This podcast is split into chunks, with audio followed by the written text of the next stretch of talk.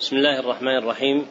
الحمد لله ما سلسلت الأخبار وأسندت عن الثقات الأخيار والصلاة والسلام على عبد الله ورسوله محمد المبعوث بالدين الكامل وعلى آله وصحبه الأفاضل. أما بعد فإنه لما وافق مجلس الدرس في المسجد النبوي يوم عاشوراء من سنة اثنتين وثلاثين بعد الأربعمائة والألف وكان يوم خميس.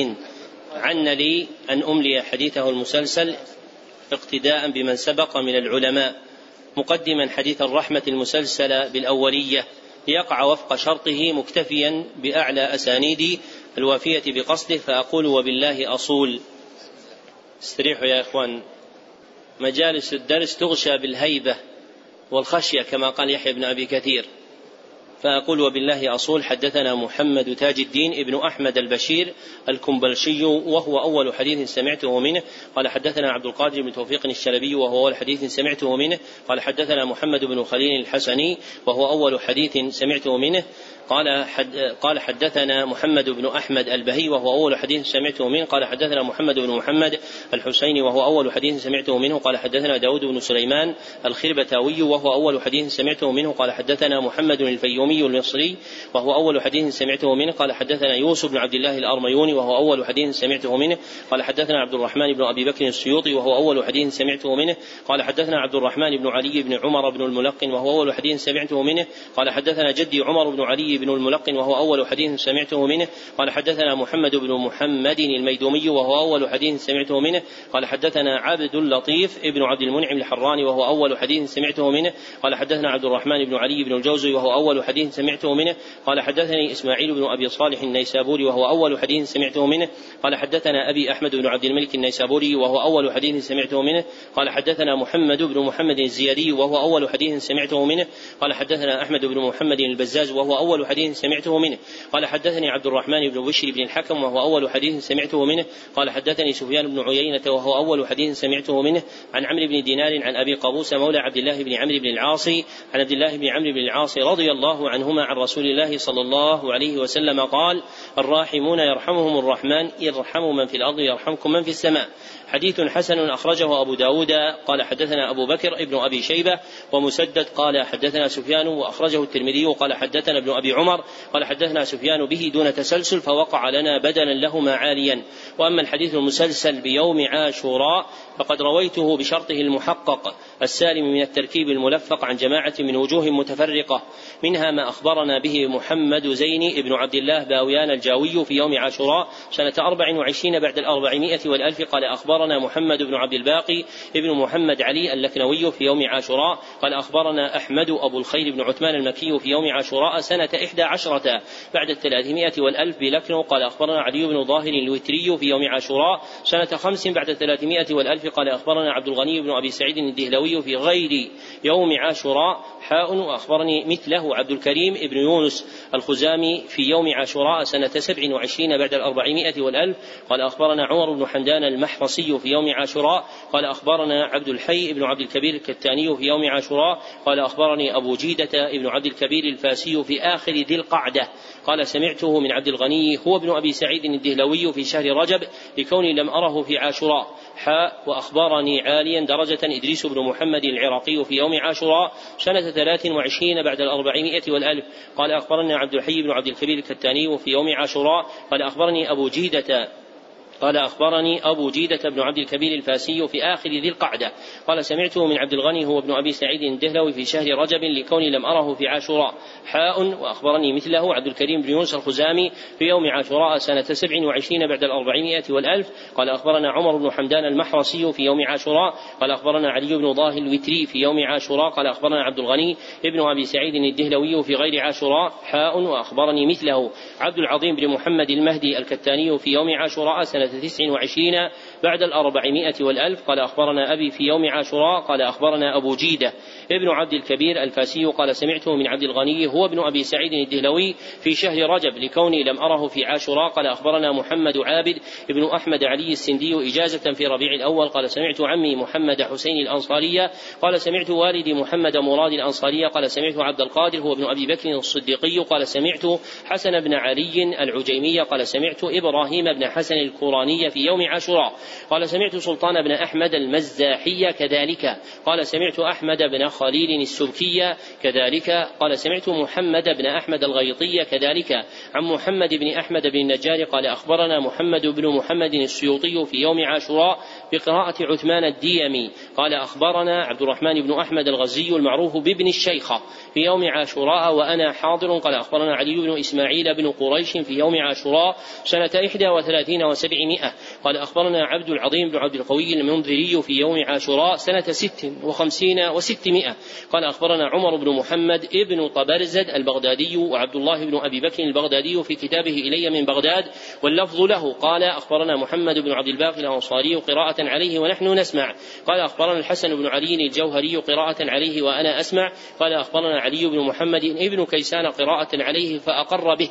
قال أخبرنا يوسف يعني بن يعقوب القاضي. قال حدثنا أبو الربيع قال حدثنا حماد بن زيد عن غيلان بن جرير عن عبد الله بن معبد الزماني عن أبي قتادة رضي الله عنه أن النبي صلى الله عليه وسلم قال صيام يوم عاشوراء.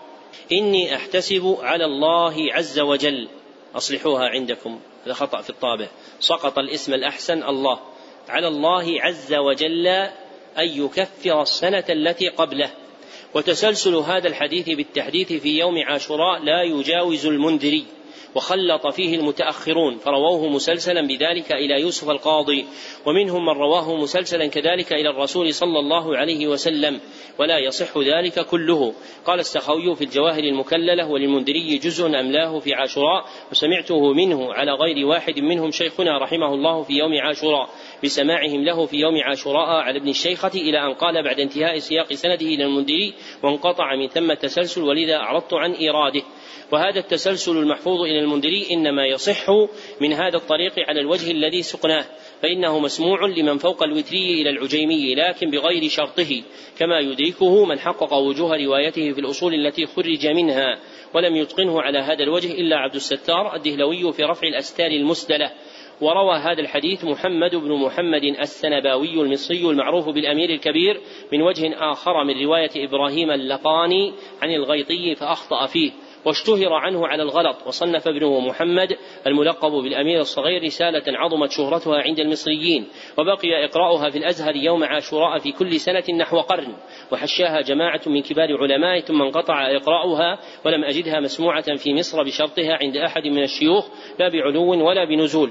وروي الحديث مسلسلا عن الأمير الكبير من وجه ثاني من رواية سالم السنهوري عن الغيطي ولا يصح أيضا. وأحسن طرق هذا الحديث المشهورة هي رواية عبد الغني الدهلوي عن عابد السندي كما أسندناه وتسلسله ينتهي إلى المنذري وتحقيق أسانيد المتأخرين وتمييز منازلها بين الشك واليقين مما تنشرح له صدور الأتقياء وتضيق به صدور الأدعياء لما فيه من كشف أوهامهم وأوهام شيوخهم ومن يعظم في نفوسهم وهم أحرى ببيان غلط أخبارهم من الثقات الأثبات.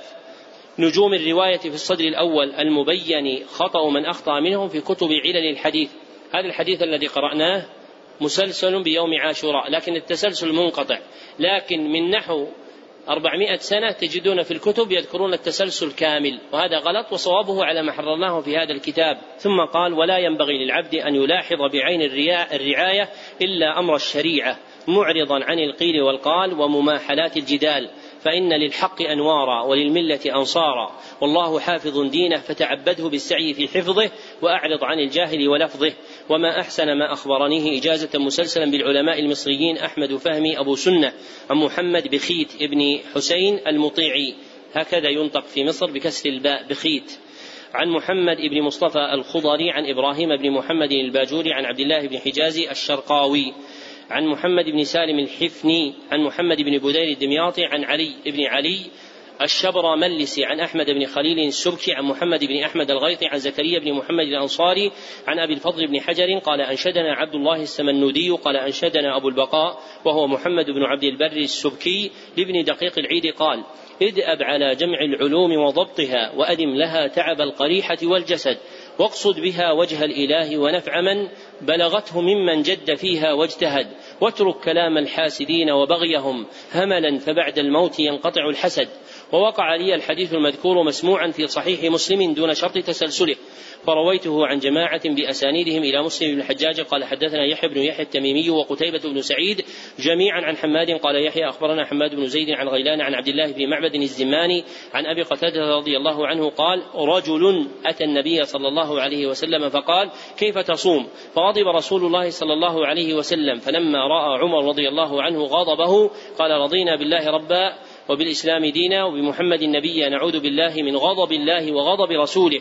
فجعل عمر رضي الله عنه يردد هذا الكلام حتى سكن غضبه فقال عمر يا رسول الله كيف بمن يصوم الدهر كله؟ قال لا صام ولا أفطر. أو قال لم يصم ولم يفطر. قال كيف من يصوم يومين ويفطر يوما؟ قال ويطيق ذلك أحد. قال كيف من يصوم يوما ويفطر يوما؟ قال ذاك صوم داود عليه السلام. قال كيف من يصوم يوما ويفطر يومين؟ قال وددت أني طوقت ذلك. ثم قال رسول الله صلى الله عليه وسلم ثلاث من كل شهر ورمضان إلى رمضان فهذا صيام الدهر كله.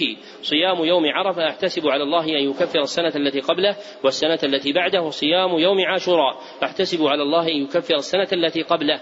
ثم رواه أيضا من حديث شعبة بن الحجاج عن غيلان به وأشار إلى ما وقع في ألفاظه من اختلاف وأعله البخاري فقال في تاريخه الأوسط ولم يذكر سماعا من أبي قتادة وقال في الكبير ولا يعرف سماع عبد الله بن معبد من أبي قتادة وقال فيه أيضا ولا نعرف سماعه من أبي قتادة وتعقبه الذهبي فقال بعد حكايته قلت لا يضره ذلك قال ابن حزم وقد تكلم في سماع عبد الله بن معبد الزماني من أبي قتادة ثم قال بعد وأما سماع عبد الله بن معبد من أبي قتادة فعبد الله ثقة والثقات مقبولون لا يحل رد رواياتهم بالظنون. وأدخل حديثه في الصحيح جماعة منهم مسلم وابن خزيمة وابن حبان والحاكم وقال النسائي في كبراه هذا أجود حديث عندي في هذا الباب.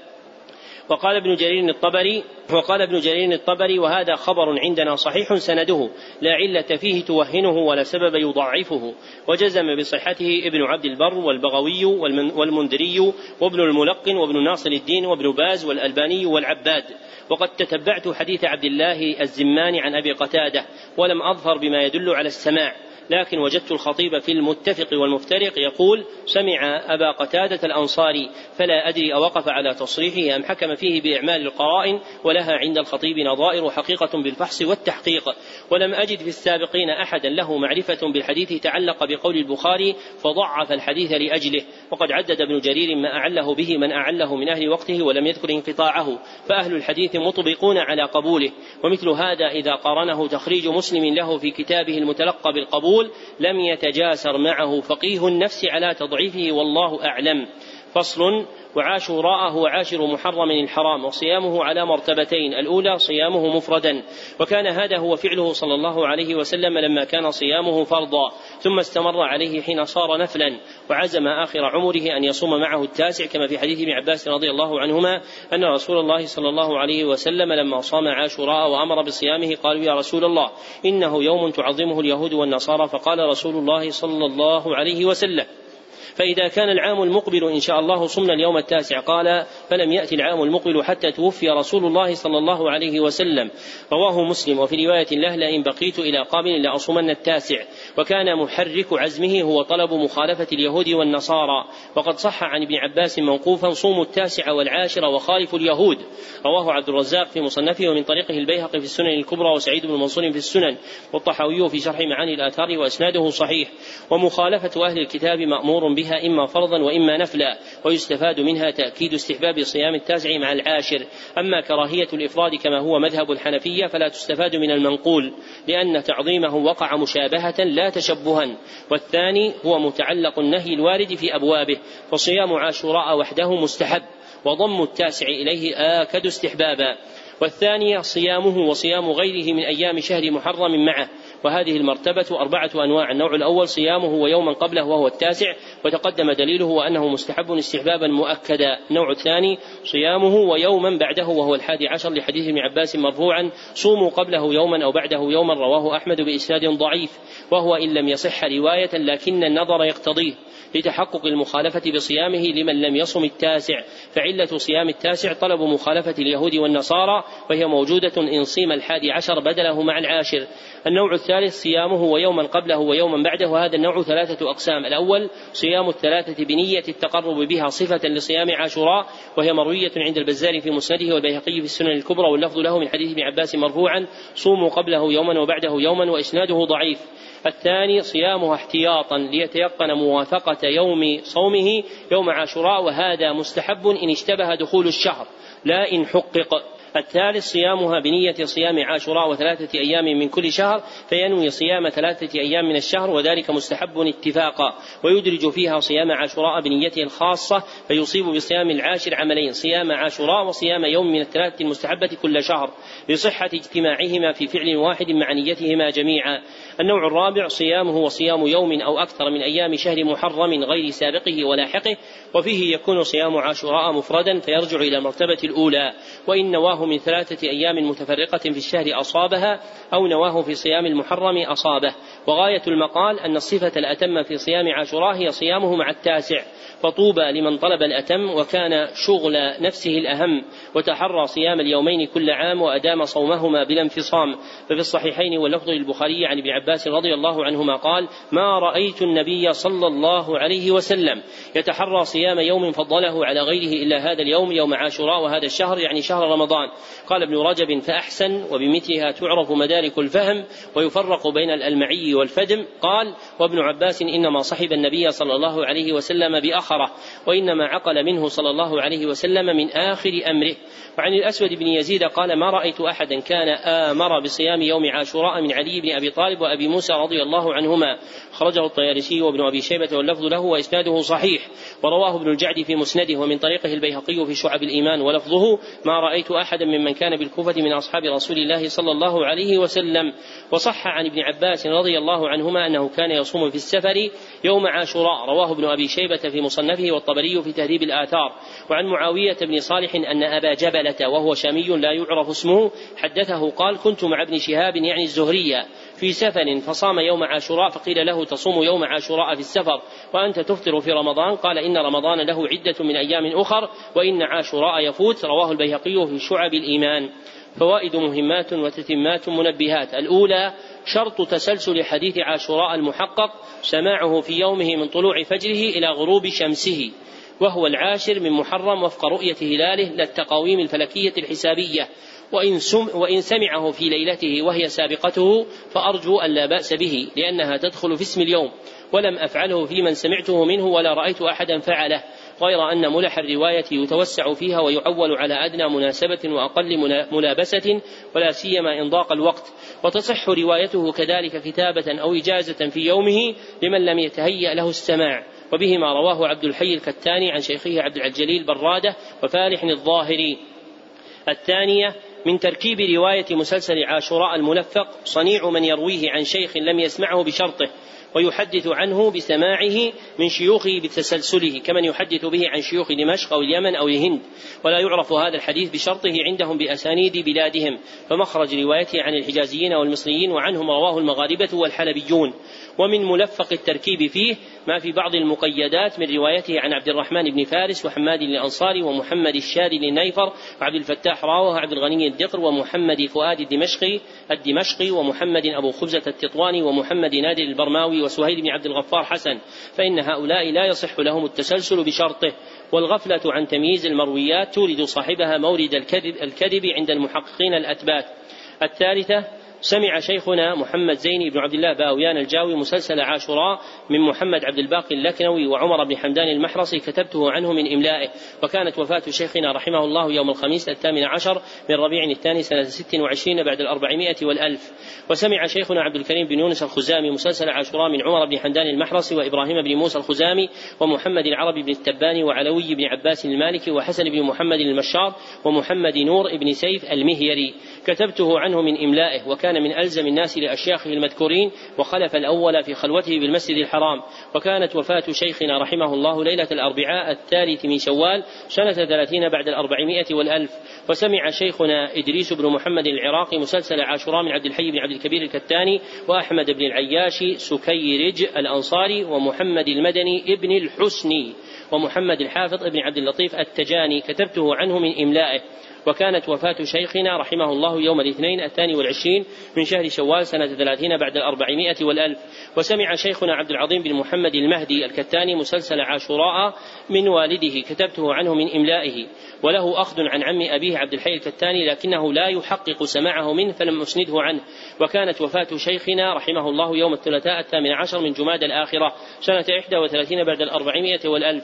الرابعة قرأ الوتري مسلسلات حصر الشارد للسندي على شيخه مرتين وفيها مسلسل مسلسل عاشوراء لكن لم أره حدث به عنه إلا فيما أسنده من طريقه الحبشي في الدليل المشير وإنما كان الوتري يسنده عن أحمد بن أحمد الشباسي المعروف بمنة الله الأزهري تلميذ الأمير الكبير لأنه سمعه منه بشرطه أما عبد الغني فسمعه منه في غير يومه كما يستفاد من النفح المسكي لتلميذه العطار ورفع الأستار المسدلة لتلميذه الآخر عبد الستار الدهلوي وما ذكراه مقدم على ما حكاه على حكاية صاحب الدليل المشير مع كونه من أهل التثبت. الخامسة تلقى عبد الحي الكتاني مسلسلات حصر الشارد. المتضمنة مسلسل عاشوراء عن شيخه أبي جيلة بن عبد الكبير الفاسي كما في فهرس الفهارس غير أن مسلسل عاشوراء مما لم يتلقاه بشرطه بل كما سقناه تبعا للمثبت في نسخة عبد الحي الكتاني لمسموع من مسلسلات حصر الشارد على شيخه أبي جيدة الفاسي. السادسة لم يذكر عبد الحي الكتاني في مسلسلات أبيه ولا تبته ومصورته ما لدي بخطه أنه روى مسلسل عاشوراء عنه ولا أن أباه سمعه من عبد الغني الدهلوي ولا أن الدهلوي سمعه من السندي بشرطه. فما في الدليل المشير من خلاف ذلك غلط وقد سمى في فهرس الفهارس من سمع منه مسلسل عاشوراء أو أجازه به بشرطه وليس فيهم أبوه. السابعة لم يتصل مسلسل عاشوراء بشرطه من طريق السندي وإنما اتصل بإجازته لتلميذه الدهلوي كما صرح بها في نسخة عبد الحي الكتاني لمسموعه منها على شيخه أبي جيدة الفاسي. واتصلت كثير من مسلسلاته بواسطة تلميذه محمد بن خليل القاوقجي أيضا لكن ليس فيها عاشوراء عنه. وفي ترجمة محمد بن محمد بن علي العمراني أنه سمع المسلسلات على السندي. لكن لم يروها أصحابه عنه إلا أشياء يسيرة ليس منها المسلسل المذكور. الثامنة إنما يروي الغيطي الحديث إجازة لا سماعا وليس بشرطه وما في أثبات جماعة من المتأخرين من جعله سماعا بشرطه تسوية أنتجها التخليط. التاسعة قول عبد الرحمن بن أحمد الغزي المعروف بابن الشيخة أخبرنا علي بن إسماعيل ابن قريش في يوم عاشوراء سنة إحدى وثلاثين وسبعمائة مثبت في سماعات جزء المنذر من نسخته الخطية في خزانة ليد. ووقع في سماعات نسخة خزانة عارف حكمة منه أن سماعه وقع في تاسعاء سنة ثلاث وسبعمائة. وذكر ابن حجر في المعجم المفهرس أنه سمعه في عاشوراء ولم يعين سنته فيكون ابن الشيخة سمعه من ابن قريش في اليومين معا والله أعلم. العاشرة هذا المسلسل مما أفرد في من الحديث بالتصنيف. فللأمير الصغير فيه رسالة مشهورة وعليها حواش عدة منها تعليقة مائدة الكرماء. ولعبد الحي الكتاني فيه رسالة ذكرها في فارس الفهارس ولعصريه أحمد الغماري رسالة مطبوعة اسمها لب الأخبار المأثورة بما يتعلق بيوم عاشوراء. ولي فيه أربعة تأليف هذا المجلس والحلة السيراء في حديث عاشوراء والتعليقة على رسالة الأمير المتقدم ذكرها ورفع الامتراء عن مسلسل عاشوراء. ولولا الرغبة في نفح أنفاس التحقيق لكان الزمن مصروفا إلى غيرها من صلب العلم الجديرة بالتدقيق. يعني هذا الحديث المشهور عند المحدثين من مولح العلم وليس من صلبه لكن لما وقع فيه الخبط والخلط لمن أراد منكم أن يطلع على أثبات المتأخرين فيعرف قدر ذلك دعا هذا إلى التمييز وبيان الصحيح فيه بتأليف هذه الرسالة وغيرها فيه. فصل أنشدني جماعة بقراءة عليهم مفترقين في يوم عاشوراء. بأسانيدهم إلى الشاطبي صاحب الاعتصام والموافقات قال أنشدني أبو بكر بن القرشي يوم عاشوراء من عام ستين وسبعمائة. قال أنشدني أبي يوم عاشوراء. قال أنشدني أبو عبد الله بن رشيد في يوم عاشوراء لنفسه. صيام عاشوراء أتى ندبه في سنة محكمة قاضية. قال النبي المصطفى إنه تكفير ذنب السنة الماضية. وأنشدني عبد المنان النورفوري بقراءة عليه عن أبي الخير السلفي عن عبد المنان الوزير أبادي عن عبد الحق العثماني عن محمد عابد السندي بسنده المتقدم دون صفته يعني دون صفة السماع فهو بالإجازة إلى المنذري قال أخبرنا أبو الحسن المالكي بقراءة عليه. قال أخبرنا أبو طاهر الشافعي قراءة عليه. قال أنشدنا أبو محمد بن السراج لنفسه يمدح أصحاب الحديث. لله در عصابة يسعون في طلب الفوائد يدعون أصحاب الحديث بهم تجملت المشاهد. طورا تراهم بالصعيد وتارة في ثغر آمد يتتبعون من العلوم بكل أرض كل شارد فهم النجوم المهتدى بهم إلى سبل المقاصد. وقلت فيهم منشدا أهل الحديث إخوتي نالوا عظيم الرتبة فدينهم محقق وعلمهم في السنة وما لهم من منهج مؤيد بالحجة فما تراهم أحدثوا صغيرة من بدعة هم يجعلون رأسهم رسولنا في القمة وما عداه عندهم ليس إمام الأمة ومن يكون صالحا موقر بالحرمة. إن الحديث عدة تقودهم للجنة ومن يعيب نهجهم فهو قرين الجنة. هدي الرسول مغفر المغفر نوع مما يستر به الرأس أثناء الحرب. هدي الرسول مغفر مطلوبة للجنة. النون بتشديدها مفتوحة للجنة يعني للوقاية والحماية. فلتصحبوا هديتم أهل الحديث إخوتي. آخر المجلس ولله الحمد والمنة على الإسلام والسنة. بعدها تجدون بارك الله فيكم طبقات السماع. فكل واحد يكتب عندكم في الطبقة الأولى فقط وهي طبقتكم. سمع علي جميعا. في الفراغ الأول جميعا. مجلس عاشوراء في المسجد النبوي الشريف. من لفظي الفراغ الثاني من لفظي صاحبنا كل واحد يكتب اسمه بأربعة. لئلا يشتبه بغيره. فلان ابن فلان ابن فلان ابن فلان أو الفلاني. فتم له ذلك في مجلس واحد. هذا الفراغ الرابع. فتم له ذلك في مجلس الرابع بالميعاد المثبت في محله من نسخته وأجزت له روايته عني إجازة خاصة من معين للمعين في معين. يعني هذه إجازة خاصة بهذا الكتاب مقرونة بالسماع والحمد لله رب العالمين. وعندكم كتب صحيح ذلك وكتبه صالح بن عبد الله ابن حمد العصيمي. يوم اشطبوا على كلمة ليلة يوم الخميس عشرة في الفراغ الأول الخميس عشرة من شهر محرم الحرام سنة 1432 في المسجد النبوي. في مدينة الرسول صلى الله عليه وسلم الفراغ الأول في المسجد النبوي بمدينة الرسول صلى الله عليه وسلم. والباقي عندكم النسخ التي وصلتكم عليها الختم بذلك. وما بعد ذلك هذه لمن بعدكم أنتم إذا أسمعتم أحدا إذا احتيج إليكم. وليس الآن. وبيانها في مقام آخر إن شاء الله نشرحها ونوضحها. الإخوان الذين سمعوا وليس معهم نسخ إذا كانوا يعرفون أحدا من الإخوان الحاضرين يكتبون في الطبقة الأولى يكتبون بجانب سماع صاحبنا فلان يضعون تخريجا يعني خطا مائلا ويكتب فيه اسمه. يعني نفرض الأخ هذا مثلا سمعت أنت ما معك كتاب لكن تعرف أحد الإخوان بجانبك مثلا فتكتب بجانب رقم أربعة الذي هو صاحبنا فلان الفلاني تضع تخريجا أي خطا إلى الخارج في الهامش وتكتب وفلان ابن فلان تكتب اسم صاحبك. ثم تصور الذي فيها اسمك. تصور ورقة تضعها في نسختك والذي يحسن إلى إخوانه يكتب اسمين أو ثلاثة بقدر ما يريد أن ينفع إخوانه. بهذا انتهى هذا المجلس بحمد الله تعالى وإن شاء الله تعالى نكمل بقية الدرس بعد صلاة المغرب. وأرجو أن لا يتبعني منكم أحد. جزاكم الله خيرا.